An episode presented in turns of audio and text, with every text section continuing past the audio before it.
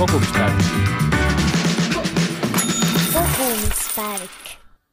tere tulemast kuulama Kogumispäeviku podcasti uut saadet. selles podcastis räägime põnevate saatekülalistega rahatarkusest ja jagame toimivaid nippe ja kogemusi, kuidas siis raha targemalt toimetada. mina olen Mari-Liis Jääger ja märts on teatavasti rahatarkuse kuu ning seekord võtame fookusesse investeerimise ja selleks kutsusin täna stuudiosse selle ära eksperdid ja investeerimisjuttude podcast'ide tegijad Tarmo Tanilase ja siin Siim Uusmaa. tere tulemast! tere hommikust! tere, Mari-Liis! Et investeerimise teemal me Tarmoga juba oleme, siis oli Kati ka, ühe investeerimisteemalise episoodi, mis siiani on kuulatavuselt äh, top kolmes. et täna siis võib-olla keskendume rohkem juba selline level kaks ja kui me Tarmost juba üht-teist teame, et võib-olla Siim, kõigepealt sina, et räägi, kes sa oled ja mis sa teed? Tere veel kord ja, et kes ma olen, et tegelikult koos teiega Swedbankis pikalt töötanud. kaks tuhat seitse,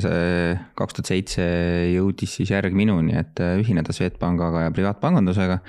ja seal juba Mari-Liis ootas ees ja, ja järgmisel korrusel siis varahalduses oli Tarmo ja vaikselt tudeerinud erinevatel teemadel, vahepeal pangas sees arenenud, vahepeal väljaspool, aga jah, et üks neli aastat olen siis nii-öelda tagasi kodus olnud ja keskendunud roh-, järjest rohkem investeerimise ja, ja kogumise valdkonna arendamisele. ja hetkel nüüd olen Baltikumi investeerimise kogumise valdkonna valdkonna juht ja, ja peamiseks eesmärgiks ongi meil, et selline investeerimise ja säästmise kogukonda arendada, teadmisi suurendada ja loomulikult ka erinevad äh, lahendused järgi tuua, et seda oleks mugav teha. ja nagu sa mainisid jah, et, et, et podcast, et ega meil Tarmol meeldib ka sellest äh, rääkida ja siis koos äh, oleme ka seda vedamas. ja Tarmo, sõna sulle ka ma ei tea, mis ma täpselt rääkima pean, et kui Siim mainis, et kaks tuhat seitse tuli tema Swedbanka, siis mina tulin kaks tuhat üks, ma tulin Hansapanka see oli üks teine pank, äh, aga selleks me võib-olla täna ei keskendu, et kaks tuhat viis siis Swedbank ostis Hansapanga üle ja noh, mul on selles mõttes võib-olla vedanud, et ma olen kogu selle aja saanud tegeleda investeerimisega, et mul on hobi ja töö koos olnud no see on ju ideaalne. aga enne kui me veel läheme tänase põhiteema juurde, teeme selline kiirete küsimuste-vastuse vooru ka. olete valmis? ikka. nii, teie esimene investeering, Tarmo mõtlema natuke, tuhat üheksasada üheksakümmend viis Saku õlletehas, aga mitte börsilt, vaid äh, kes mäletab, siis EVK äh, ehk Eesti väärtpaberi keskdepositooriumi kaudu, et et siis ei olnud veel börsiga, et noh, palju me siis tagasi peame minema, kakskümmend kaheksa aastat tagasi. aitäh ma arvan, et äh, päris esimene oli teine sammas arvatavasti, aga kui otseselt, kus ise see ostunuppu pidi vajutama, siis ma ei teagi, et kas oli Tallink ennem või oli üks äh, fond. aga kuskil sinna jah, äh, kui ma Swedi tulin, siis sinna aega see jääb mm. -hmm. nii, teine küsimus, investeerimine või jalgpalli vaatamine nüüd see on keeruline teile, ma tean, et te olete suured fännid. investeerimine noh, mõlemad äh, jälgin ilmselgelt, et äh, mõlemad on ka hobid, nii et äh, ma ei hakkaks eelistama, aga see kindlama tuleviku garanteerib ikka investeerimine. Nii, ja kolmas küsimus, halvim ja parim aktsiainvesteering, mis aktsia oli, palju teenisid või siis kaotasid? noh, kuidas nagu võtta, on ju, et äh, noh, kas võrrelda nagu protsentuaalselt või võrrelda nagu absoluutnumbris on ju, et kui võrrelda protsentuaalselt, siis oli kunagi üks äh, Ameerika biotehnoloogiafirma Dendrion nimi, et sellega ma teenisin vist poole aastaga neli korda umbes. Äh, firma ost-, noh, tuli nii-öelda üks teade, et, et ta saab uue vähiravimi äh, loa, noh, lõpuks muidugi seda luba ei tulnud ja ettevõte läks pankrotti, et ma sain ennem ära müüdud aga halvim investeering, äh, ma ei oska isegi öelda, need on ilmselt mitu olnud, aga tõenäoliselt mingid Hiina asjad, äh, kus on valetatud. Mm.. jah, ega mulle läheb ka sinna tõusva päikese poole see asi, ehk siis äh, Hiinast, ma arvan, et see võis olla Alibaba. ja lohutuseks on see, et isegi Charlie Munger pani sellega puusse aga, aga seal oli mitu asja, et üks oli see valetamise pool, mitu riski realiseerus ja enda riskihaldus ka, et tuleb ikkagi reeglitest kinni pidada, nagu me kõigile teistele räägime. aga parim aktsia? ohohoo, ma arvan, neid on päris mitu, aga üldiselt need lähevad sinna dividendiaktsiate kanti, kus siis äh, see aeg, kui siin väga paljudel olid mured, et turud või need portfell oli suht punases, siis äh, mul oli enamik ikka rohelises ja tuli igakuiselt raha juurde. No rõõm kuulda ainult nii, aga liigumegi põhiteema juurde, et minu meelest Siim, sa väga hästi ütlesid juba, et tuleb oma sellisest strateegiast äh, kinni pidada aga kuidas siis üldse sellist äh, strateegiat äh, paika panna ja, ja millise strateegia järgi ise investeerite? noh, neid on muidugi nii palju, neid strateegiaid, et nii palju kui inimesi, nii palju on erinevaid strateegiaid. Ja ma arvan, et see ajas muutub ka. noh, ma ei oska Siimu kohta öelda, minul on see ajas muutunud, et, et kui ma lähen tagasi sinna kahekümne aasta tagusesse aega, siis Äh, ega ma dividendi usku väga ei olnud, noh, pigem ikka nagu kasvuasjad. Noh, kui sul ikkagi Tallinna börsil noh, siis oli ühispanga aktsia, kui suvega tõuseb kolm korda, no siis sa ei vaata eriti mingeid dividendi asju. Äh, ja noh, siis ühel hetkel kaob kõik ära, siis sa mõtled, et dividend on jälle nagu päris hea. no ma ütleks, see hakkab ikkagi pihta Äh, sellest, et äh, mis su investeerimise eesmärk nagu üldse on, et äh, kuhu sa tahad nagu välja jõuda, kui kiiresti sa tahad välja jõuda. ja kui nooremad inimesed, siis nad tahavad ju hästi kiiresti, hästi palju, hoomamata nagu riske ja, ja noh, kui me siin nagu eile tegime Siimuga podcast'i, siis me põgusalt nagu rääkisime, et kes oleks võib-olla noh, lihtsalt rahulikult alates aastast tuhat üheksasada kuuskümmend viis Ameerika SB viiesaja indeksisse investeerinud oleks saanud üheksa koma üheksa protsenti aastas, oleks valinud Warren Buffetti Berkshire Hathaway firma, mis on sisuliselt nagu väärtusettevõte, oleks teinud peaaegu kakskümmend protsenti aastas aga ma ütlen sinu küsimusele vastates, et eh, ma arvan, et siin ei ole nagu eh, ainuõiget vastust, et inimesed on nagu erinevad. oluline lihtsalt see, et kui sa selle strateegia valid, et sa sellest nagu kinni peaksid, et ma olen lihtsalt väga palju elus näinud inimesi, kes peavad strateegiast kinni seni, kuni turud lähevad ülesse ja kui turud lähevad ülesse, siis kas müüvad üldse kõik ära ja lähevad minema või muudavad strateegiat. Noh, strateegia muutmine ilmtingimata ei ole vale, aga siis peaks ennem vastama sellele esimesele küsimusele, et mis esimese strateegiaga nagu valesti läks, et eh, minul läks noh, ma arvan endale sobiliku strateegiaga ütleme, strateegiani jõudmiseni ma arvan, viisteist aastat, need viimased kümmekond aastat ma arvan, ma olen leidnud sellise, mida ma enam muutma ei hakka. aga räägi sellest natuke lähemalt ka. Noh, kes on kuulanud mu erinevaid intervjuusid või artikleid lugenud, see ilmselt natuke juba aimab, et, et hakkab rääkima jällest mingist rahava asjast, et jah, ma räägingi rahava asjast, et et ütleme, et enamus inimesi, kes nagu palgapäevast palgapäevani elavad, nendel on üks eh, sissetulek enamasti. Eh, noh, on muidugi palju tublisid noori, kes teevad töö kõrvalt ka midagi muud Eh, aga valdaval osal inimestel on siis palgatöö ja sealt sellest palgatööst sõltuv, noh, seni kuni sul palk on, kõik hästi, eh, kui elukallidus ületab palgakasvu, siis enam ei ole kõik hästi. Ja sa oled nii-öelda sõltuvusest ühest tööandjast, et kui sellel ei lähe väga hästi, siis sa võid ka töökoha kaotada, aga kui sa oled piisavalt nutikas, siis sa võid nende investeeringutega, noh, põhimõtteliselt piisab umbes neljast-viiest aktsiast, kus sa võid teha endale sellise portfelli, kus sul iga kuu vähemalt äh, midagi potsatab siis investeeringutega pangakontole, et noh, põhimõtteliselt äh, kui sa oled nagu väga osav, siis noh, kui sul nagu palgatöö, sul meeldib su töö, sa ei pea ju seda maha jätma, aga ühel hetkel võib olla niimoodi, et see, mis sul nagu kõrvalt tuleb investeeringutest esiteks see ei tule ühest kohast, see tuleb võib-olla viiest või kümnest kohast kuus ja see ühel hetkel ületab juba palga äh, nii-öelda sissetuleku ja noh, hästi palju räägitakse finantsvabadusest, ma alati nagu mõtlen sellest, kus see siis piir on, et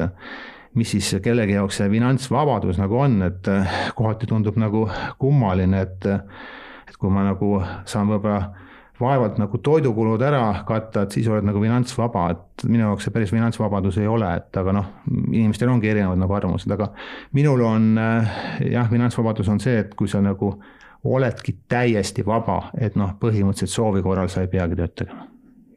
aitäh ja et äh, eks see strateegia on ajas muutunud ja ma arvan, et selline see sinna jõudmine, kus, kus ma praegu oma teadmistega olen, arvatavasti tekkiski üks selline neli aastat tagasi, kui ma Swedi tagasi tulin. ja järjest rohkem äh, Tarmoga arutasime investeerimise maailma peale ja, ja lugesid, arutasid, lugesid, arutasid ja siis selline äh, püsiva rahavoo tekitamine endale tundus mulle väga sümpaatne ja, ja mis seal äh, kaasas käib, on see, et selleks, et sa seda saaksid, sa pead ju leidma siis sellised äh, head ettevõtted, mis teevad hea, häid asju. ehk sa saad rohkem äh, arvestada selliseid kvaliteedinäitajaid ja, ja soovi siis ettevõttele oma aktsionäridele midagi vastu anda. ja ei saa salata jah, et selles väga või kõige, kõige suurem mõju on, ongi olnud vestlused Tarmoga ja sinna ma olen nüüd jõudnud. et jah, et kui vaadata, siis selline väga suur valdav enamus on ikkagi äh, dividendiaktsiad sellise väärtusettevõtete poole pealt. ja siis olen jätnud endale jah, sellise mingi protsendi, mis on siis äh, kasvuettevõtete pool, SB viissada iseenesest nagu siin mainitud, et kui sul ikkagi üle kuuekümne aasta on kümme protsenti keskmine kasv, siis see tundub nagu väga hea. ja siis noh, näpuotsaga saad seal siis äh, katsetada võib-olla mingeid selliseid kiirema kasvu aktsiaid ja et me tegelikult äh, kogumispäeviku Instagramis küsisime ka inimestelt, et mida nad tahaksid teada investeerimise kohta. ja üks küsimus oligi, et äh, kuidas koostada selline portfell, et oleks igakuine dividenditulu, et äh, võiksime mõne sõnaga sellest ka rääkida, et kuidas siis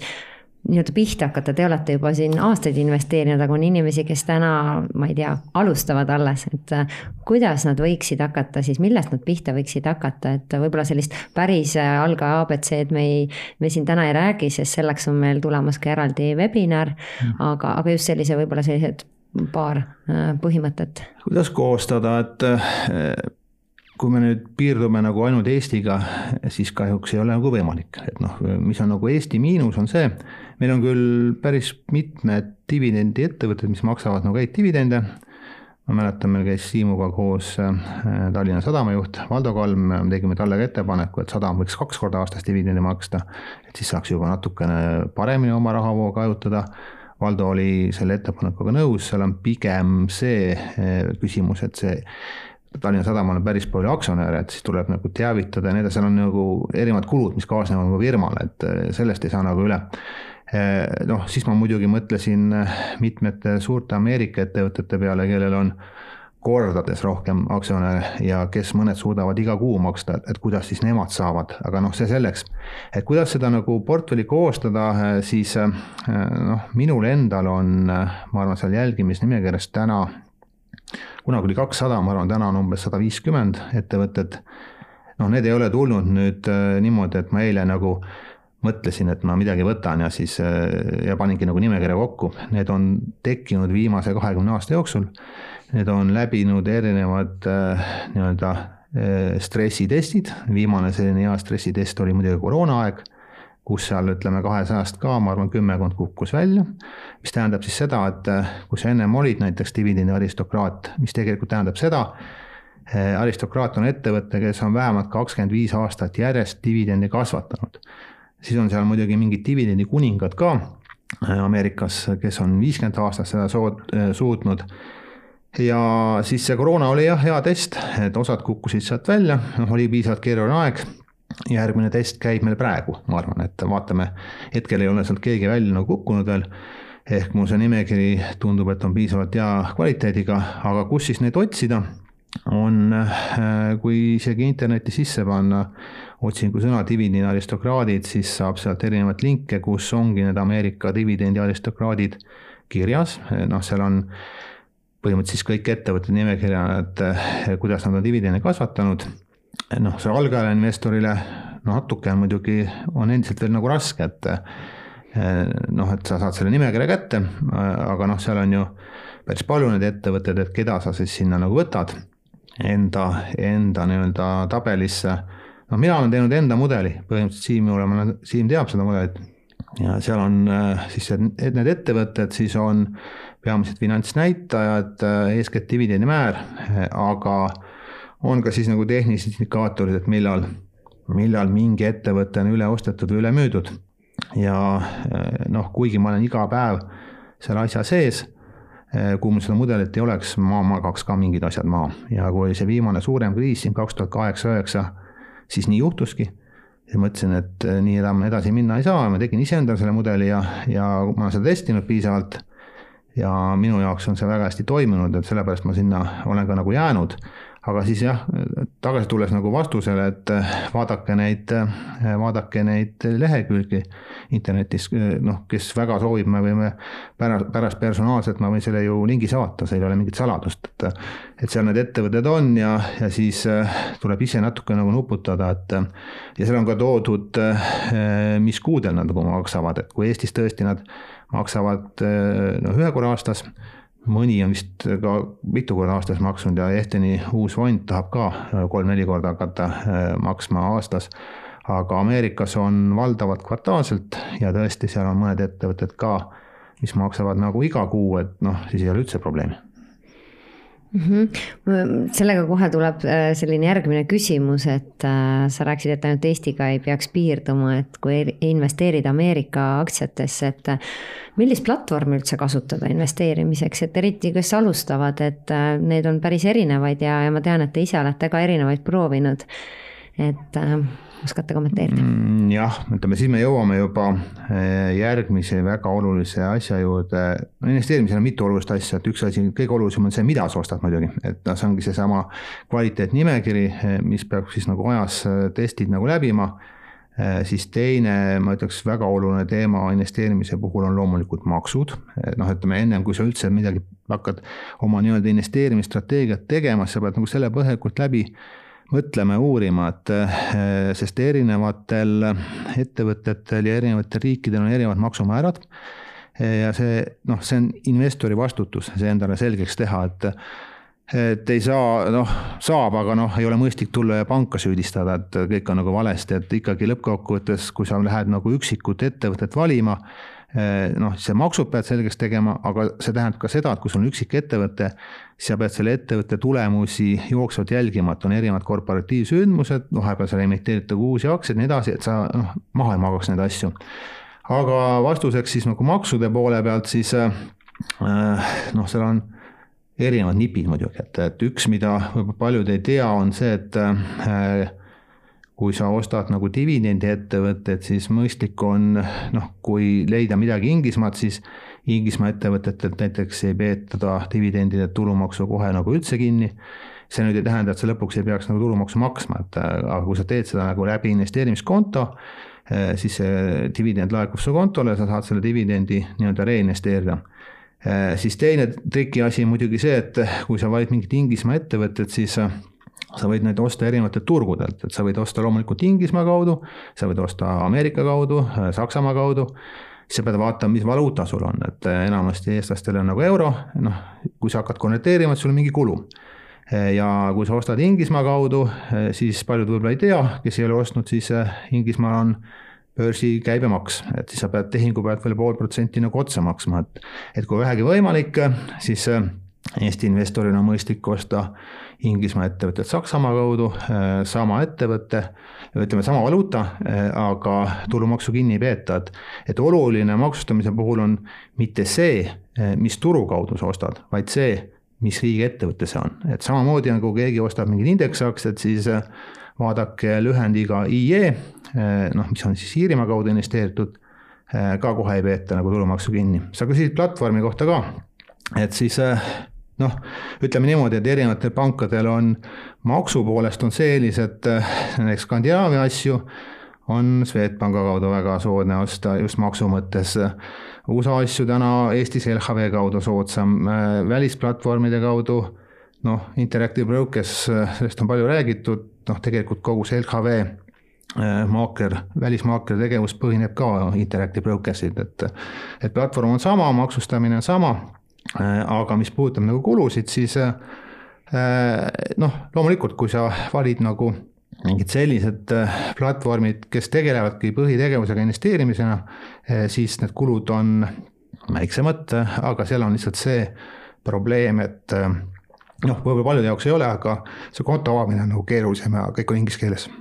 tahad sa Siim midagi lisada? ja, et võib-olla kui siit see samm korra tagasi võtta selle, kuidas seda portfelli koostada, et võib-olla lisaks see, et äh, minu jaoks üks suuremaid võtmeid on selle idee mahamüümine iseenda jaoks ehk miks ma seda üldse tegema hakkan, on ju. üks on see, aga ma mõtlen just, et äh, miks see dividendi pool võiks mulle meeldida. et, et noh, minu, minul jõudis sinna, et, et kui me vaatame, et paljud ju on öelnud, et äh, no viis protsenti, neli protsenti, kuus protsenti, et no ma tahan saada kuuskümmend protsenti aastas äh, kasvu, on ju. aga, aga kus see seal klõks käib, et kui sa ikkagi tead, et sul kas iga kuu või üle kuu vaikselt tuleb midagi juurde, sa kogud seda, investeerid uuesti see kasvab ja see kasvab ja, ja kui vaadata neid näiteid natukene guugeldada, Youtube itada,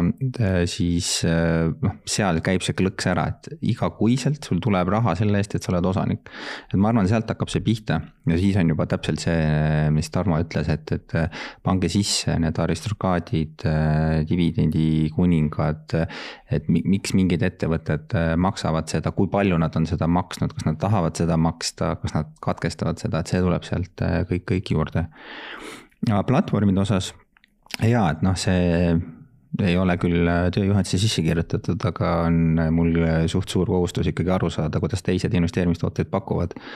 ja mis on kõige suurem vahe nüüd pankadel ja, ja siis erinevatel fintech idel on tihtilugu see, et äh, kus neid aktsiaid lõpuks hoitakse. ehk kui äh, majanduskeskkond läheb väga hapuks ja midagi ettevõttega juhtub, et kas need on äh, kindlasti siis Mari-Liisi nime peal või on ettevõtte X nime peal ja võib sealt kuidagi kaduma minna, et kas nad on kindlustatud seal taga et ise mõne fintechiga olen ajanud neid dokumentides järgi ikkagi, et kes see lõplikult hoiab nendele neid. et selle peale tuleb mõelda, et loomulikult, et need tasude küsimused on, aga see turvalisus on ka väga tähtis. ehk võib-olla siin ongi, et, et ennem kui mingeid otsuseid teha, tuleks aru saada, et mis see minu jaoks tähendab, kui see on kuskil teises äh, keskkonnas. ja noh, siin on need noh, kui me tuleme nende erinevate mobiilide kaudu, ma ei tea, noorematele inimestele meeldib hirmsasti mobiili kaudu aktsiaid osta, mulle ei meeldi, ma olen vist vanakooli mees, ma tahan ikka täpselt nagu näha ja arvutada ja pluss arvutis on see visuaal ikkagi oluliselt parem, kui sa aktsiat ka nagu analüüsid, aga noh, meil on tulnud ju siin väga palju äh, mobiili kaudu, et noh, Ameerikas Robinhood kõigepealt, noh, eestlased sinna ligi ei saanud, siis tuli Euroopa versioon Revolut. Eh, mis alguses oli supersoodsa tasuga, eh, nüüd enam üldsegi nii mitte väga. Eh, noh, seal oli alguses kolm tehingut kuus tasuta, nüüd on üks, iga järgmine nagu maksab. aga noh, suurim häda on pigem seal see, et sul ei ole kõiki aktsiad, mida, mida sa osta tahad, noh, seal on lihtsalt piiratud see kogus ja teine pool on seesama asi, mida Siim just ütles, et et kas sa oled kindel, ma ei taha nüüd öelda, et Revolutiga peaks midagi juhtuma, aga kui Revolutiga peaks midagi juhtuma, et kelle nimel on aktsiad, et kas sa siis nagu äh, saad kätte ka need aktsiad, et äh, noh, nüüd on meil tulnud ka ju eestlaste arendatav Lightyear, samamoodi noh, tublid poisid kõik seal taga, aga nimekiri on endiselt piiratud, noh, võib-olla aja jooksul see nagu muutub, aga endiselt, nagu ma ütlesin, et inimesed on nagu erinevad, mulle ei meeldi mobiili kaudu aktsiaid osta ja need on kõik, kõik on minu jaoks mänguasjad ja teine asi on see deklareerimise pool ka, et investeerimiskonto süsteemis, et äh, kuidas nad omavahel ühilduvad, eks? Äh, jaa, et noh, see ka sinna otsa, et noh, see haakubki, et et mõnikord on äh, kallimad tasud isegi natuke, no ma ei ütle nüüd palju kallimad, aga natuke kallimad tasud paremad, kui sa ei pea jändama selle deklaratsiooniga, mis on nagu päris hull et noh, siin muidugi on tõenäoliselt muudatusi ka sellel aastal nagu tulemas ja ja noh, ütleme erinevad platvormid saavad siis ka äh, investeerimiskontoga nagu äh, ühilduda, aga, aga see võtab nagu aega arendustöödega ja, ja maksureeglitega, et. nii, aga kas teil, ma saan aru, et teil on aktsiaid portfellis, kas on ka fonde? või võlakirju või mis teil seal põnevat veel on? Fonde ikka, ikka vahepeal on jah, aga no kusjuures väga hea, et sa küsisid, sest äh, mis ma tahtsin enne mainida, et äh, kui sa oled algaja dividendinvestor, siis, siis võid vabalt ka otsida natukene fonde, kes, kes tegelevad sellega ja, ja läbi selle esimesed äh, sammud teha. et kui sul ikkagi, nagu Tarmo mainis, üksikaktsiate puhul et äh, jah, sa ei pea seal kahtekümmet viite erinevat näidikut vaatama, aga sul kuni viis on ikkagi, mida sa nagu võiksid jälgida, et, et äh, saada aru, kuidas sul investeeringul läheb või et kas on väärt osta. aga võlakirjade poole peale minul ei ole aga ega seda kunagi nüüd ei tea, et mis siin majandusega juhtub, et kui me vaatame võlakirjade hindu, siis äh, uus mängija on siin ju deposiit juba suure intressiga. aga, aga pigem jah, et ikkagi üksikaktsiad väga valdavas enamuses on minu portfellis endal. võlakirju ikka on olnud, praegu on ka mõni äh, pigem siis need kohalike pankade äh, võlakirjad, et on mõned seal sees Vonde, noh, ma, ütleme isegi kui inimesed nagu investeerima hakkavad, siis äh, ennem sa küsisid selle nimekirja kohta, et kuidas seda aristokraatia teha. ma ütleks, et ennem kui seda isegi nagu tegema hakata, siis peaks võib-olla vaatama, äh, kuidas sa riigi käest kavalalt võimalikult palju tulumaksu tagasi saaksid, et noh, see on nagu esimene, ma arvan et seal on siis kaks varianti, et üks on see teine sammas, kolmas sammas on veel eraldi. mulle see sõna sammas nagu väga ei meeldi, see on nagu, rõhutab nagu mingit kohustuslikkust noh, tegelikkuses see on samasugune investeering, nagu ma ostaks mingit indeksit nagu turult, et noh, kui ma ostan endale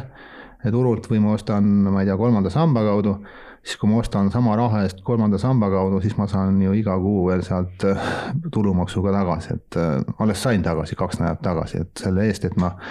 selle eest, et ma indeksitesse nagu investeerisin läbi kolmanda samba ja noh, seda ma ei kavatse kindlasti nagu ära lõpetada, see oleks lihtsalt majanduslikult väga rumal. no lisaks on meil pangas veel ju tööandja pension, mis on noh, hästi super. Äh, aga fonde ka erinevad on ju, et on, on siis aktiivsed fondid, passiivsed fondid, et äh, aktiivsed fonde kunagi meil on olnud, aga enam ma ei osta ja ma ei osta sellepärast, et äh, ma ei taha juhtimist käest ära anda, et kui ma valin, siis ma vastutan ise nende asjade eest. aga, aga noh, fondijuhid on erinevad, sageli nad teevad minu jaoks kummalisi käike ja, ja ma, ma tahan ise siis vastutada ja valida. jah, ja sul on see aeg, et igapäevaselt ka jälgida. jah, et äh, Tarmo tõi hästi välja just selline kolmanda samba puhul, mida ma ise olen ka mõelnud, et kuna seda turundatakse natukene teiste sõnadega, et, et,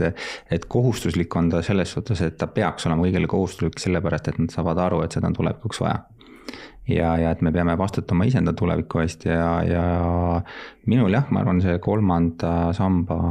investeerimine ongi üheksakümmend protsenti need fondid, mis mul äh, portfellis on ja kindlasti julgustan äh, kõiki, kes ka teistes ettevõtetes töötavad, minna küsima väärtuspakkumisse tööandja pensionit et äh, see on äh, suur, suur lisa ja sa, see läheb sul hoo pealt maha seal palgapäeval, sa ei saa nagu arugi. ja tegelikult siis omaosalus juurde ja see kasvab päris kenasti kuulge, aga teised varaklassid, eestlased on ikka kinnisvarausku ja, ja ma tean, et siin veini ja kunsti, et kas selliseid asju ka teie portfellis on või olete keskendunud pigem väärtpaberitele? no paljud on mingid üürikinnisvara usku, minul ei ole nii palju aega sellega tegeleda ise aga see ei tähenda, et mul portfellis ei oleks äh, kinnisvarainstrumente, et ma arvan, mul on portfellis äh, vähemalt veerand ongi kinnisvara. Aga ma ei pea ise kuskil üüri küsimas käima või kontole laskma kanda, et need ongi alates ütleme samast Eftenist, mis meil siin Eestis on ja Ameerikas erinevad ettevõtted, millel on nagu väga võimas portfell, et, et noh, selles mõttes mul jah, füüsiliselt kinnisvara ei ole, aga kinnisvaras osalus on täiesti arvestatav jah, et ostetud nüüd äh, üürimise jaoks kinnisvara mul ei ole. meeldib ka see lähenemine, et äh, seal üle lahe mandril on päris targad poisid ja tüdrukud, kes haldavad väga suuri ettevõtteid, kes kinnisvaraga tegelevad. ja lisaks mulle potsatab absoluutselt iga kuu mitmest ettevõttest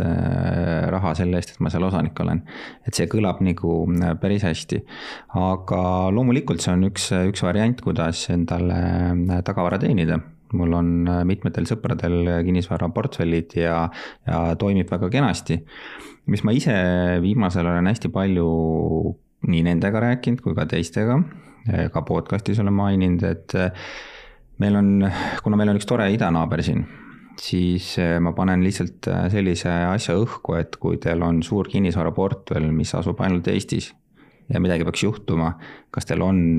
mingi hajutatus ka mujal, et, et what if, et, et sest ma tean ise oma vanavane, vana-vanavanemate kaudu, kellel oli just valminud maja Narvas, mis ei olnud veel vastu võetud riigiregistrisse ja see sai ühe ilusa asjaga pihta sealt ülevalt poolt Äh, oli laiali ja maja ei olnud kunagi olemas nagu olnud. et, et noh, see näitab seda, et sa, sa investeerid, sa teed, sul on veel ütleme seal neli-viis äh, korterit. aga see paneb mind mõtlema, et okei okay,, et ma mingid asjad, isegi kui mul oleks, võib-olla oleks Eestis, aga just selline väärtpaberiportfell, et ettevõte, mis on Ameerikas või, või, või Saksamaal või Austraalias, et äh, tema ei saa arvatavasti sellisel moel pihta selle agressiooniga, mis võib-olla kunagi jälle juhtub sa, sa küsisid muidugi metsa, metsaveini kunsti kohta, et need võiks portfellis olla, aga noh, see eeldab ikkagi natuke rohkem eriteadmisi, eriti ma ütleks kunst, ma arvan, vein ka kindlasti. no metsa ostmisega ma saaks ise ka hakkama, selleks peaks sealt rohkem vahendeid olema. aga kunstis kindlasti noh, ma eelistan nagu olla valdkonnas, mille, milles ma nagu tugev olen. Jah, et, et seal tuleb otsida siis neid äh, abilisi. Nagu me ütlesime, kinnisvara jaoks on olemas ettevõtted, meil on käis meil ka ju podcast'is äh, veini investeerimise fondi looja, kes rääkis sellest, et kuidas pannakse kokku tegelikult portfellid, et kui sul ikkagi soov on, algul esimesi samme nagu ise ei oska teha, saad osaleda. ja kunstis ka, et äh, noh, me näeme küll, et alles siin hiljuti ka, et mis oli neljakümne viie miljoni naelaga vist äh, müüdi, eks ole, üks maal, aga et noh, sinna ligi pääseda. samas on järjekordselt platvormid olemas, kus sa saad osaleda mingites tükikestes või siis läbi kohaliku kunsti, aga see nõuab jälle aega, et kus sul need prioriteedid on, et. no ma ütleks isegi rohkem noh, teadmisi, noh, see läheb ikka metsikult aega, et ennem sa nagu kunstis nagu spetsialistiks saaksid. jah, täpselt. et ehk siis jällegi fokusseeri sellele, mida sa tunned, mida sa tead, mis sulle huvi pakub, et äh, niimoodi lihtsalt igale poole natukene panna. võib-olla lõpuks sa ei suuda enam hallata seda, aga mis suhted teil krüptoga on? Puuduvad noh, nagu ma ütlesin, et mul on äh,, olen võtnud endale kohustuse aru saada, kuidas mingid asjad toimivad, et ma, ma krüptost äh, tean piiratud äh, hulgal. jah, mul midagi on, aga see on täpselt ainult selle jaoks, et näha, kuidas mingid rakendused toimivad. aga nimetada seda investeeringuks, siis äh, ei. spekulatsioon pigem. nii, aga räägime veel natukene sellistest ähm, Äh, ebaõnnestumistest ka, et kindlasti kuulajad äh, tahaks õppida teiste vigadest, kuigi me teame, et, isegi kui me teame neid vigasid, me ikkagi kordame. et äh, mis on teil olnud sellised head õpikohad või kogemuste saamise kohad? ega neid vigu väga palju ei ole õnneks olnud, ma ise ei oskagi, võib-olla kui ma mõtlen sama kaks tuhat kaheksa, üheksa, siis äh, likviidsust oleks pidanud portfellis võib-olla natuke rohkem olema Äh, selleks, et neid superhäid ostukohti kasutada, siis ma olin sunnitud mingid positsioonid mingi miinusega äh, müüma, et siis osta superhinnaga mingeid väga-väga soodsaid asju, et mäletan, ma isegi ohverdasin kolmanda samba lühiajaliselt, et osta Mercot kahe euroga. Äh, maksin siis kolmandast sambast kakskümmend protsenti riigile ära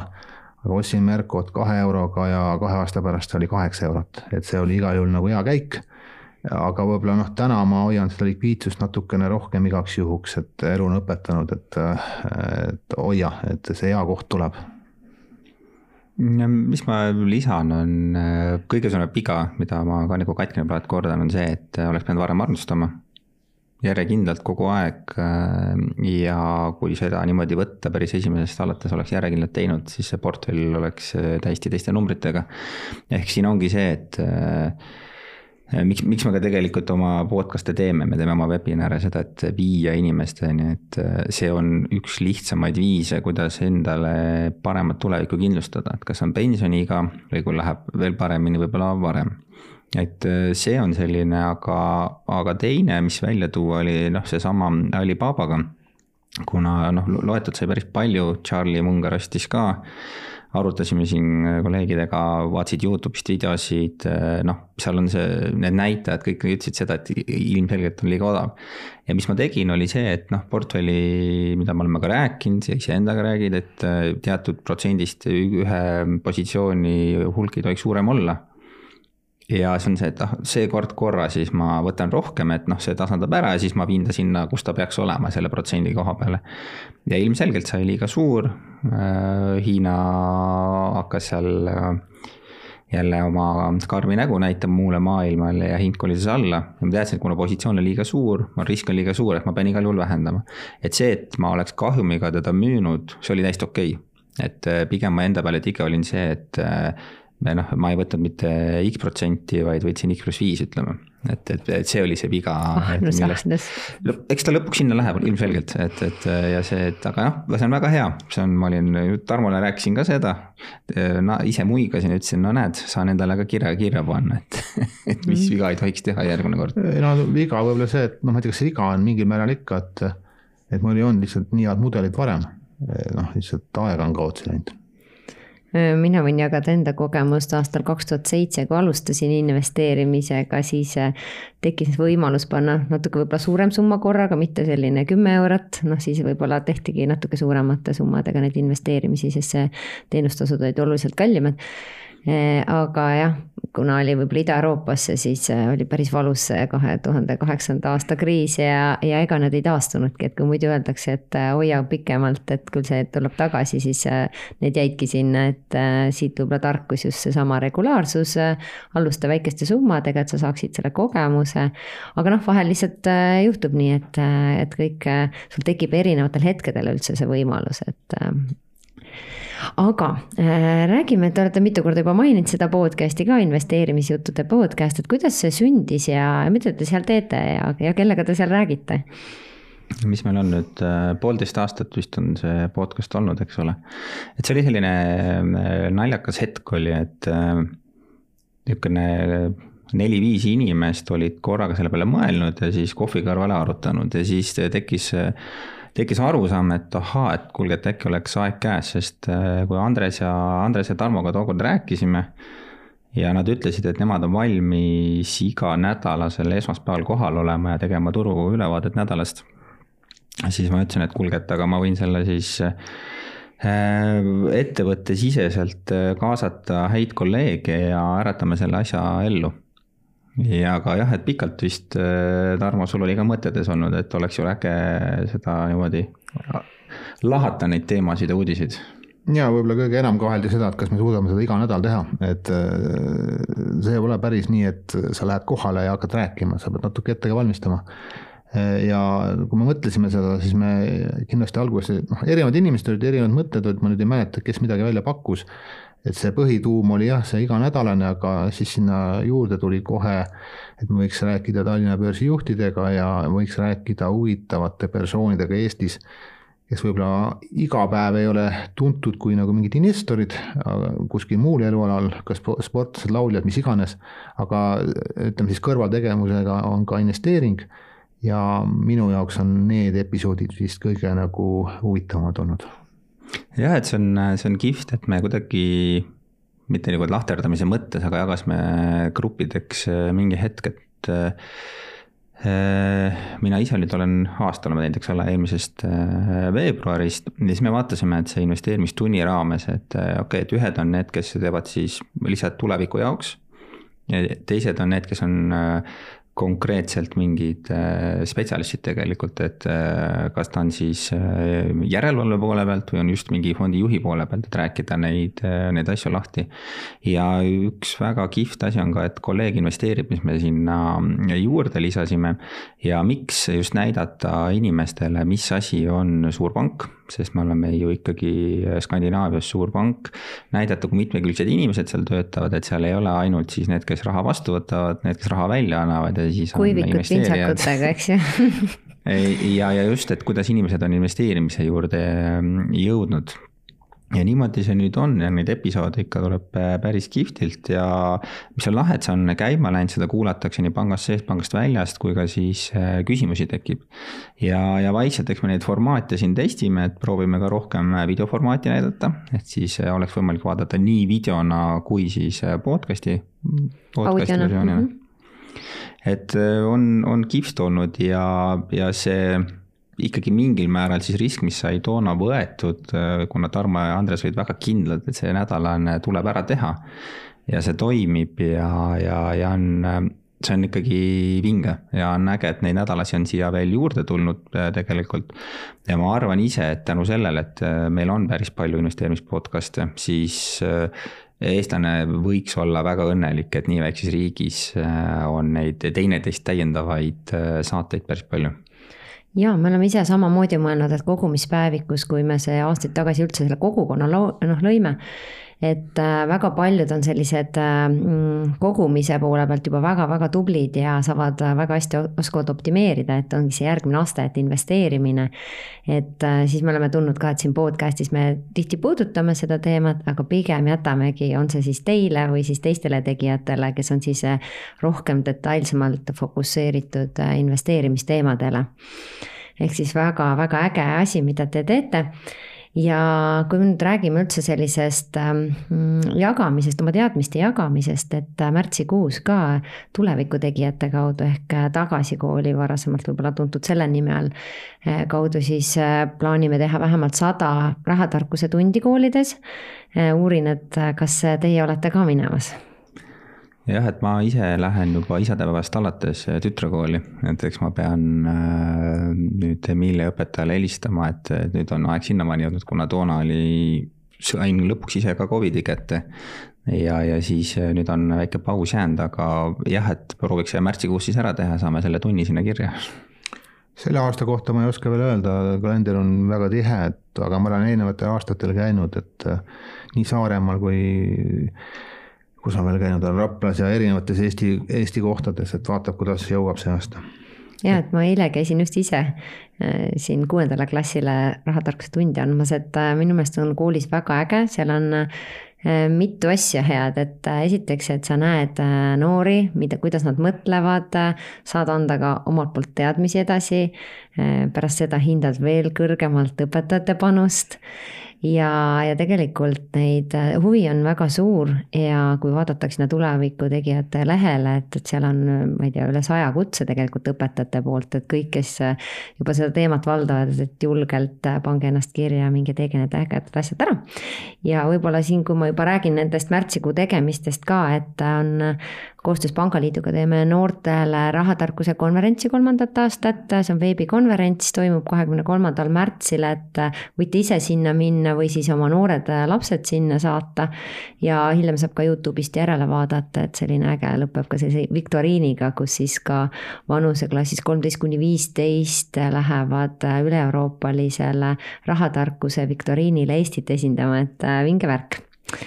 aga äh, meil on tulnud äh, päris palju küsimusi veel sinna ähm, Instagrami et äh, küsin siis need ka, et siin on küsitud, kas investeerida eraisikuna või ettevõtte kaudu, et mis on selle plussid-miinused? noh, mina isiklikult investeerin eraisiku kaudu ja, ja noh, seal tuleb endale selgeks teha, et kuhu sa tahad investeerida, et eh, sealt ka tuleb see vahe.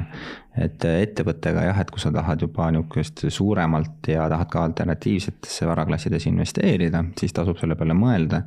aga minu arust Eesti selline maksukeskkond on loodud nii hea, et otsest vajadust ei ole, kui sa piirdud äh, finantsvaraga no Siim vastas enamuse ära, et kuhu sa raha tahad panna minul on,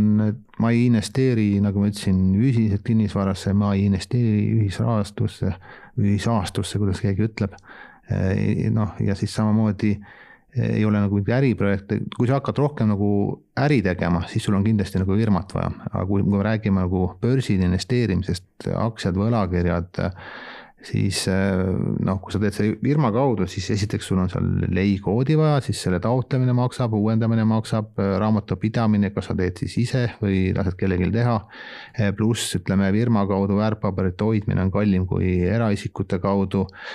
kulu poolest ei ole mingit mõtet teha firma, noh, et noh, siis seesama investeerimiskontol on sama maksureeglistis nagu firmal, et kui see asi läheb äritegevuseks, siis kindlasti firma ja et võib-olla lihtsalt lisada siia see, et äh, see nüüd ei tähenda seda, et kui sa alustad ja sul on firmas raha, siis sa peaksid nüüd ilmtingimata selle välja võtma ja dividendidena ja sealt maksu maksma. no seal on mitu miinust ikkagi, et kui sa nagu ostad kasvõi neid Eesti dividendi aktsiad firma kaudu, sul on topeltmaksustamine tegelikult ikkagi, et noh, noh, ütleme, ma ütleks, et investeerida börsi kaudu on eraisikuna igal juhul soodsam kui firma kaudu aga sa, kui sa pead selleks võtma raha firmast välja, selleks ei ole ka pointi, sa maksad ikkagi ära. jah, et täpselt, et siin, siin ju jagunevad need grupid, et, et, et eraisik, kes tahab alustada investeerimist, siis on meil ju Eestis on niisugune ainuline olukord, et meil on väga palju väikeettevõtjaid tegelikult. noh, et kui sa, su põhitöö mujal ja sa näed, et, et osa rahast, mis on sul tööga saavutatud, et noh, seda nagu rumal oleks ära võtta, et lihtsalt maksu maksta, ta teeks, tegeleks investeerimisega. noh, siis, siis pigem äh, tasuks ikkagi läbi selle oma, oma firma seda teha, et mm. -hmm. nii, äh, kus, kuidas ja kust osta eraisikuna võlakirju? no Tallinna börsid näiteks, et äh, ma enne mainisin natuke, noh, seal on ka Balti börsid, erinevate Balti ettevõtete võlakirjad võib osta ka noh, kui, kui me räägime üksikvõlakirja ostmisest, siis eh, sageli see väikeinvestorile on keeruline, sest need summad on nii suured. kui me räägime mingit välisvõlakirjadest, sageli viiskümmend või sada tuhat peab sul olema, et ühte võlakirja osta. aga Tallinna börsil mõni on tuhat eurot, mõni on sada eurot eh, täiesti saab, et eh, ja noh, siis võib osta ju võlakirju ka läbi nagu indeksaktsiat, et noh, sa ostad nagu tavalist aktsiat, et nii ka saab nii, kuhu ja kuidas oleks mõistlik tagasihoidliku riskiga investeerida viis tuhat eurot, kümme tuhat eurot, viiskümmend tuhat eurot? siin on see miljoni dollari küsimus, et mis on tagasihoidlik risk? jah no,, ja kui, kui pikaks ajaks ka, eks ju. täpselt, et ei no me peame ilmselt rääkima enda seisukohast, et mis on tagasihoidlik risk, noh tagasihoidlik risk minu jaoks on, et no ma ei tea, kümme-viisteist protsenti võib miinusesse minna tõenäoliselt on ju, et äh, paljude jaoks see võib-olla on nagu hoomamatu, et kuidas see tagasihoidlik on, aga äh, noh, kuhu, et äh, mina läheks ikkagi oma rada mööda, et oma, oma nende rahaasjadega, et et seal on lihtsalt see teema, et et äh, sa sõna otseses mõttes ostadki ettevõtet, mitte nagu aktsiat, et äh, kui sa sellest ettevõttest nagu aru saad, sa ostad tükikese sellest ettevõttest äh, ja saad selle eest nagu rahavoogu vastu, et noh, need summad on kõik piisavalt suured selles mõttes, et et noh, kulu poolest ka saab täiesti nagu hakkama, et jah, et äh, Warren Buffettit me jälgime mõlemad Tarmoga ja, ja, ja väga palju meie podcast'ide tsitaate tuleb äh, Warreni poole pealt. Ja just ähm, üks viimane asi, mis ma lugesin jälle, kus ta kirjutas, et noh, et kuna me oleme ostnud ettevõtteid, mitte aktsiaid siis on ka arvatavasti see tulemus parem. aga kui sinna summadesse minna ja et, et kui me võtame see viissada, eks ole, et ütleme selline viissada kuni tuhat äh, osta välisaktsiat on selline absoluutne miinimumsumma, kuna siis äh, see kulud vastasel juhul lähevad proportsionaalselt liiga suureks. aga selliste summadega, mis on ju väga hea, on tasuta tehingud Balti börsil ja, ja alustada kodu lähedalt, kus sa näed seda ettevõtet, kuidas ta teeb, mida ta teeb.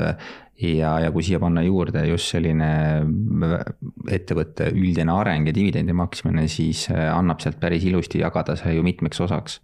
ehk tuleb endale paika panna, et riskihaldus siin, et kas sa tahad siis viieks jagada seda või kümneks ja õnneks seda Balti turul on võimalik teha. Ja neid ettevõtteid äh, on omajagu.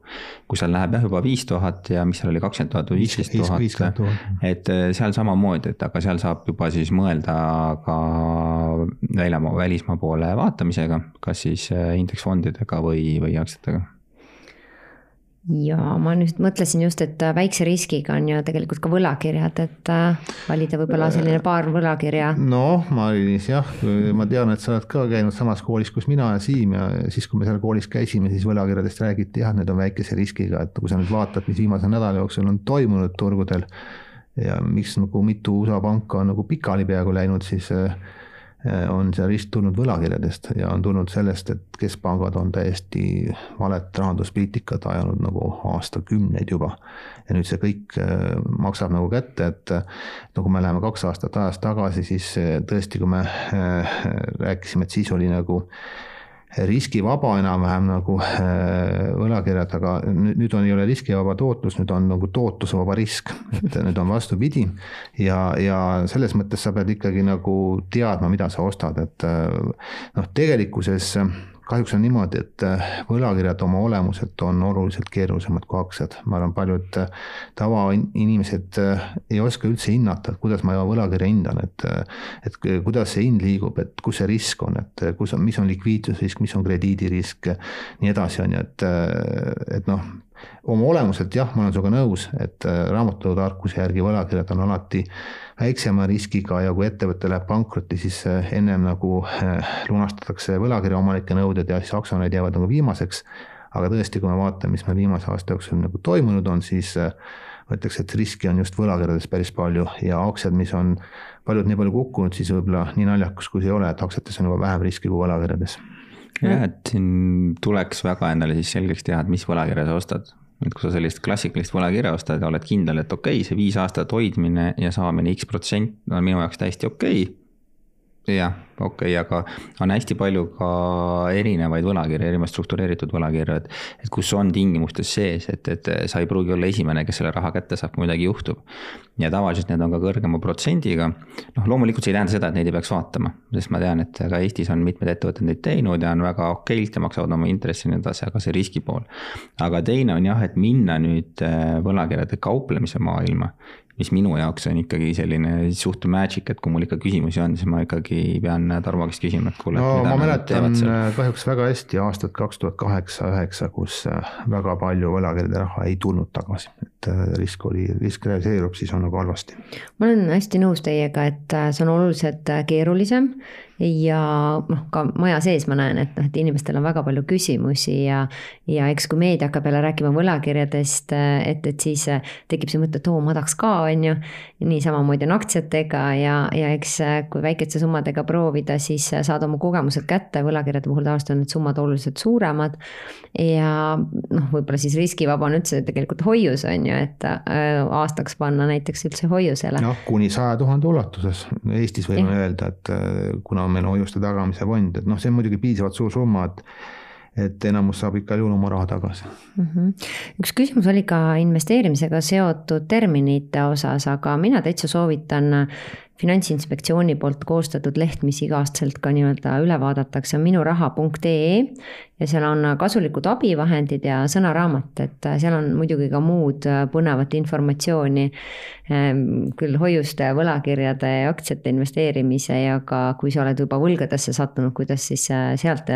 välja ennast aidata või, või kuhu poole abi pöördumiseks pöörduda või jah, küsida. Aga mm, üks selline põnev küsimus, mida teeksite teie, kui teil oleks kodulaen sada tuhat, tähtaega kakskümmend aastat ja noh, tänaseks siis juba intressiga kuus protsenti. E, noh, ehk siis kaks pluss ütleme Euribor. ja teil on olemas selline väike puhver või kogutud raha, näiteks viiskümmend tuhat. Mis te teeksite, kas te maksaksite selle raha tagasi ehk siis laenu tagasi osaliselt või siis investeeriksite mina maksin eluasemelaenu taguse eelmine, tagasi eelmise aasta augustis, kuu enne seda, kui Euribor hakkas tõusma. et ma suutsin seda ennetada, praegu, praegu on päris hea tunne, aga kui vastates nagu küsimusele, siis äh, see sõltub nagu alternatiivist. et see Euribori intress, noh, tõesti, ta täna on veel natuke väiksem kui neli, et selle äh, eile, eile oli kolm kolmkümmend seitse, äh, kuna see möll on lahti läinud ja, ja pangad on hakanud pankrotti USA-s minema ja siis äh, raha hind tõenäoliselt ei tõuse õnneks enam nii suure tempoga. aga noh, vastates küsimusele, et kui koos pangamarginaaliga ta igal juhul on üle viie praegu, äh, siis sa pead nagu mõtlema, et äh, kui suure tõenäosusega sa leiad täna noh, seesama väikese riskiga investeeringu, mis toodaks siis rohkem, kui on see laenuintress. ja noh, halb asi on see, et noh, Euriboril ju lage ei ole, noh, olemuselt ta võib minna nagu ülespoole, ehk võlad on alati reaalsed, aga investeeringud on virtuaalsed. ja, ja see ongi see nagu triki, et et sa investeeringutest ei pruugi saada, aga noh, meil oli siin hiljuti noh, näiteks Bigpanga võlakirjad äh, olid küll kümneaastased, viie aasta pärast võisid nagu tagasi osta, tõenäoliselt nad ka teevad seda kaheksa protsenti tootlus. noh, kui sa leiad mingeid selliseid noh, ütleme suhteliselt mõõduka investeeringuga asju, eh, kui sa saad natukene nagu rohkem, no siis, siis sa ei pea nagu eluasemelaenu tagasi maksma. aga noh, see ongi nii, et noh, ühelt poolt, kui sa leiad, sa pead lootma, et su investeeringutega midagi ei juhtu ja pead lootma ka, et Euribor ei lähe kõrgemaks, et et noh, ma ei tea, mina maksin jah tagasi siis, kui mul põhimõtteliselt äh, oli ainult pangamarginaal, Euribor oli nagu null ja aga maksin sellepärast, et ma kartsin, et nad lähevad nagu ülespoole, need intressid. aga ma kindlasti ei oodanud, et nad nagu nii kiiresti lähevad. ja, et mis siia lisada, et ei, minul on olemas kalkuleerin ilusti, palju neid eh, numbreid sinna juurde tuleb kuue kuu tagant. aga, aga kui see on olemas, et eh, mulle alles hiljuti sain ühe sõbra käest kõne ja küsis eh, liisingu kohta sama küsimuse tegelikult, et on vaja seal kas välja osta või, või liising võtta ja selline kuldne vastus alati on see, et nagu Tarmo viitas, et kui sa teenid rohkem investeeringutega siis oleks nagu mõistlik ju investeeringuid omada kui on siis äh, liisingu või laenu intress. no sa võid põhimõtteliselt osta mingeid võlakirju ja nende võlakirjadest saadud intressiga maksta kodulaenu tagasi, noh, see eeldab muidugi suuremat summasid natuke, et see nagu mõtet oleks. noh, täpselt, kui ma ennast sinna paneksin, siis oleneb täpselt see, eks ole, et kui kindel sul töökoht on, kas sul on mingi puhver olemas, et et kui sa näiteks investeerid nüüd sinna minu poolt vaadates dividendi aktsiatesse, kas äh, need aitavad küll ka võib-olla, võivad ju aidata tagasi maksta, aga kas sa saad hakkama siis? ja et kui ei saa hakkama ja sa hakkad ära müüma, et kas sa oled nõus, et äh, võib-olla seesama aktsia on miinus kakskümmend või kolmkümmend protsenti. et alati tuleb niimoodi mõelda, et, äh, et jah, et ma tean enda vastus, mis see oleks, aga, aga need on needsamad küsimused, mis tuleb ka ise, iseendalt küsida. jaa, ühesõnaga igaühe case on täiesti erinev ja, ja kõik see, et, et kuidas see rahavood on ja, ja millest sa sõltud, on ju, ja mis, millised on sinu kohustused. aga lõpetuseks küsin veel, millist sellist investeerimisega alustamise raamatut äh, te soovitate? et kui inimene tahab hakata, alustada, et me kõiki neid Kristi Saaret ja, ja Jaak Roosaare teame, aga kas teil on midagi, mingi selline, mis teid ennast mõjutas või, või väga palju seda maailma avardas? Ei, need on kõik head raamatud, mida sa mainisid, noh, ütleme ja hea on see, et nad tänasel päeval on eesti keeles, et kui mina investeerima hakkasin, siis ei olnud ühtegi eesti keeles, et pidi nagu inglise keeles lugema. aga mind mõjutas kõige enam kindlasti Seppo Saarjo, kuidas ma investeerin börsiaktsiatesse, sellest on mitu versiooni tulnud ja ja just sellepärast, et seal räägib praktik, et ma ei saa nüüd öelda, et äh, Kristi Saare ja Jaak Roosaare ei oleks praktikud, on muidugi, aga nende praktika on lihtsalt äh, olude sunnil olnud veel oluliselt lühem kui Vanaerale, on ju, et äh, need on kõik head raamatud, aga jah, mind mõjutas kõige enam Sepo Saarjo ja noh, sealt edasi siis ka muidugi Warren Buffett, et jah, et ja Sepol ju tuli nüüd täitsa lõpp aastad lendavad, kas oli aasta või kaks aastat tagasi tuli ju sellesama raamatu versioon noortele mõelduna, et ta on hästi lihtsalt kirjutatud ja see mulle nagu meeldis, et eh, kui sa algatuseks võtad endale intelligentse investori raamatu viissada lehekülge, noh, siis see lööb sind pahviks. aga, aga see on tõesti hea, et, et see kindlasti Soome, Soome vanahärra raamatud on, on head. nüüd just tuli ju välja ka eestikeelne Kai Spiiri raamat, kus oli ka Swedbankil käsi mängus, et see ära tõlkida tasub seda uurida ja noh, internet ja podcast'id ütlen ma ka, et äh, sest selline täna hommikul ka just arutasime töö juures, et kui palju on inimestel sellist hetke, et nüüd nad võtavad selle raamatu kätte. Et, et, et sa pead selleks eraldi võtma, podcast'id on hea see või audioraamatud, noh audioraamatuna saab, et äh, jooksed, oled trennis, äh, jalutad, et kuskilt midagigi hakata omandama ja see juba annab selle baasteadmisi, tekivad juba niisugused korrelatsioonid siis nende teemade vahel ja, ja hakata vaikselt siis äh, kasvõi Balti börsilt niimoodi paari euri kaupa ostma. ja tegelikult on, ei tasu nagu karta, et ma nüüd pean, ma ei tea, ülikooli läbi käima ja siis hakkama ja õppima majandust, siis hakkan investeerima. tegelikult tuleks kohe investeerima hakata ka siis, kui sa nagu väga ei oska, et et väikeste summadega tee tehnilised selgeks, tee esimesed tehingud ära, saa see vau-efekt, et näe, tuligi dividend kontole see tekitab sul lisamotivatsiooni seda kõike uurida. aga kui sa lihtsalt ostad mingi asja ära, sa lähed miinusesse, tuju läheb ära, noh, siis see vau-efekt kaob ka ära. nojah, et see on, ma mäletan, kui, kui ma switch isin jah, sellesse strateegia rohkem äh, dividendi poole peal, siis hommikul ärkad ja isegi noh, oli ka mõne, mõnesse panid ju väga vähe, vähe raha ja kui sa saad hommikul ärkad, esmaspäeva hommikul ja sinu kontole tuleb kaksteist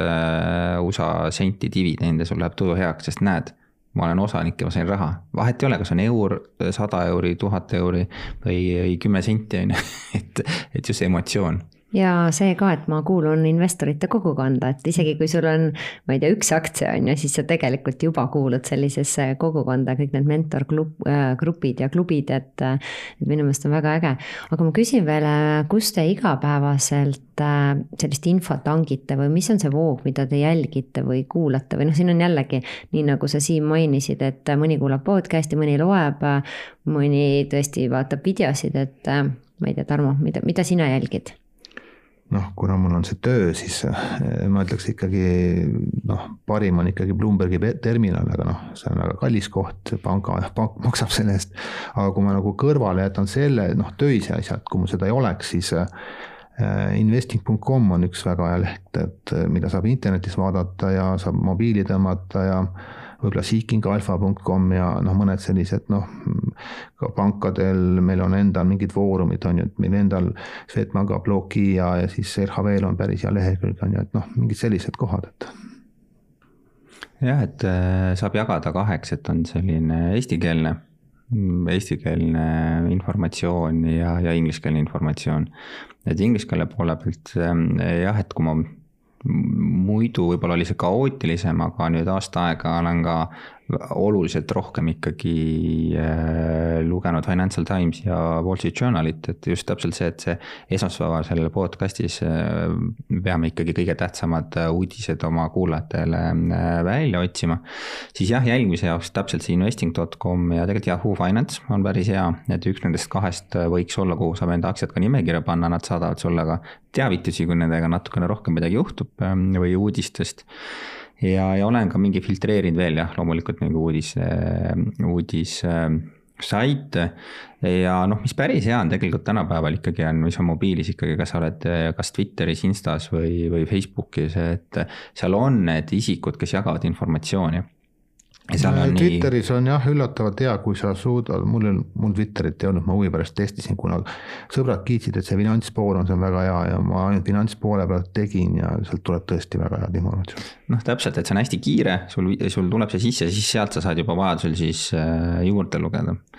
aga jah, podcast'id äh, kindlasti Äh, ilmselgelt Eesti, eestikeelseid vaatad, mida teised teevad, kui palju kattub, kattub meil see, see uudi-, uudisväärtuse pool.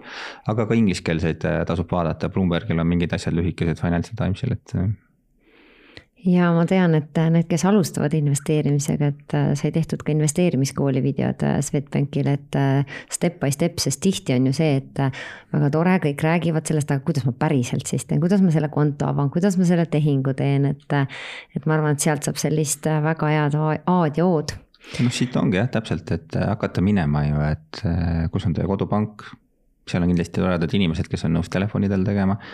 meil on need äh, Youtube'i videod, mis on äh, A-stoost pihta, sealt sa mõtled, okei okay,, kus edasi informatsiooni saan, on äh, kirjalik informatsioon, mida saad lugeda, aga täpselt, et on nii kogumispäeviku podcast, on meil investeerimisjuttude podcast. ja kui sa juba nädalas ühte podcast'i hakkad kuulama, sa saad tegelikult selle spektri kätte, mis maailmas toimub ja täpselt nagu sa ütlesid. sul on see üks aktsia, sul juba see üks kõrv on natukene pikem kätte saamaks, mis, mis turgudel toimub, sest see on sul endal äge, sest et see mõjutab ju tegelikult sinu osalust ka mulle tundub, et siin on üks nipp veel, et äh, kui sa tahad sellel teemal rohkem, ma ei tea, kaasa rääkida või õppida, siis pane ennast sellisesse situatsiooni, kus sa oled sunnitud seda tegema, noh näiteks seesama, et te teete podcast'i, siis sa oled sunnitud äh, rohkem lugema, tegema. ja ma olen ise tähele pannud samamoodi, et äh, kõikide oma selliste töökohtadega, et mingi asi mõtled, noh, ma ei tea, tahaks rohkem teada või, või siis vastupidi, et issand, ma ei tea sellest, ma, ma kardan natukene. järgmine hetk olen ma sellel positsioonil ja ma pean õppima seda kõike, et, et läbi selle on minu meelest väga, väga äge ka õppida. Igal juhul, ma Tarmo veel küsin sinult, et äh, sa veel endiselt puutud kõige rohkem meist kokku privaatpanganduse ja varahalduse klientidega, et mis need põhilised küsimused on, mida täna sinu käest äh, küsitakse või mulle isegi tundub, et need on läbi aegade suht äh, sarnased, et no ikka väga üks küsimus, et ütle, mida täna ostma peab ja mida müüma peab, et. et see on nagu esimene, aga viimase nädala jooksul loomulikult helistatakse kõige rohkem nende Ameerika pankade pärast, et küsitakse, et mitte ainult siis kliendid, aga ka ajakirjanikud. et mis nüüd saab, kuivõrd see mõjutab nagu Eestit, kas me peaksime mures olema. noh, lühike vastus ei peaks noh, tegelikult, et peame vaatama, mis see nagu põhjus on, et seal olid noh, Ameerika mõistes mitte väga suured pangad ja väga tugevalt seotud tehnoloogiasektoriga, mis kasvasid väga kiiresti viimasel ajal võeti liiga suuri riske ja kui mõtleme, et kus on kõige tugevam tehnoloogiasektor maailmas, siis on ju Ameerika, et Euroopas ei ole tehnoloogiasektor väga tugev, mis tähendab, et siia ei ole sellised, sellised nagu laene asju antud. Eh, ja noh, Euroopas on oma nagu mured, aga, aga alati tasub nagu eh, noh, ütleme meelde tuletada seda asja, et turul on nagu kaks osapoolt, et et noh, kui on keerulised ajad, siis on ju ajalehes pealkirjad, et kõik müüvad, noh, ei saa kõik müüa, kui keegi ei osta, et noh, samamoodi eile, üleeile, kui oli paanika, kõik müüvad, no kindlasti oli inimesi, kes ostsid, ka investor Toomas ostis, et tuleb talle nagu au anda, et et noh, ta on oma kodutöö ära teinud, ta usub nendesse ettevõtetesse ja kui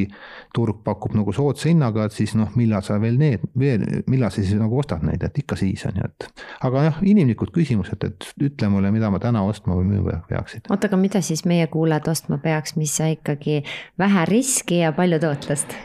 no ma ei saa öelda konkreetselt nüüd kellelegi, et eh, mida peaks, inimesed on erinevad, aga mina näiteks vaatan täna, kui hästi palju räägitakse, et eh, no ütleme, enne siis, eh, kui me läheme kaks aastat, kaks nädalat tagasi, siis kõik rääkisid, et ostke pankasid. kuna intressid lähevad üles ja pangad võidavad palju, et noh, eelmine aasta räägiti, et ostke kõiki energiafirmasid. Noh, liiga hilja, et, et noh, kunagi oli Kanadal oli väga kuulus hokimängija Wayne Gretzky, siis noh, tema ütles, et sa pead uisutama sinna, kuhu liter läheb, põhimõtteliselt järgmisena liigub, mitte sinna, kus liter praegu on. ja noh, turuga on samamoodi, et sa pead sinna minema, kuhu ta nagu liigub ja kui me nüüd täna mõtleme, siis noh, energia on juba parim enne möödas, ma ütleks pankadega ka parim enne möödas. kui laenud enam kõik tagasi ei tule, siis lihtne küsimus, kes võidab ja noh, loomulikult on need inkassofirmad tahad sa siin veel midagi omalt poolt lisada? ma võib-olla seda, et äh, kui sul on see nimekiri endal juba loodud, siis sa saad ju tegelikult nendel hetkedel kasutada ära lihtsalt odavama hinnaga oma seda head ettevõtet, mida sa näed, et tegelikult tal on tulevik hea. aga nagu me teame, mis annab väga suure võimaluse turgudel teenida, on psühholoogia ja need, kes võib-olla siis psühholoogi, psühholoogilisi mänge mängivad turgudel ja, ja liiga kergesti sellega kaasa lähevad, et kui sul X ettevõte on kukkunud kümme protsenti, sa näed, et absoluutselt muud näitajad ei ole muutunud. Ju, kasutades teenusemüügid, kõik on samad, samad, samad. noh, see tähendab seda, et oot, et kas ma saan nüüd kümme protsenti odavamalt selle ettevõtte või on midagi katki, et eks sa pead ise selle järelduse tegema selge, kuulge, aga suur-suur aitäh mulle siia stuudiosse tulemast, oma kogemusi rääkimast ja kindlasti soovin edu investeerimisjuttude podcast'i tegemisel, et, et hoida nii-öelda iganädalaselt kursis eh, kogu selle infoga, et eh, ägedat siis eh, rahatarkuse kuu jätku teile ja, ja kõigile kuulajatele ka suur aitäh kuulamast ja kui tekkis äh, mõtteid, võite alati kogumispäevikus äh, sinna podcast'i juurde kommenteerida ja ka küsida ning äh, jagada oma sõpradele neid teadmisi. aitäh, aitäh kutsumast, Mari-Liis, et oli huvitav ja suur aitäh ja kui kellelgi on küsimusi, siis alati meil on ka investeerimisjuttude email olemas et saates me tavaliselt äh, käsitleme neid ja proovime võimalikult palju ära vastata, et investeerimisjutud at swedbank.ee ja aitäh, Mari-Liis ja jõudu-edu kogumispäevikule! aitäh! kogumispäevik. kogumispäevik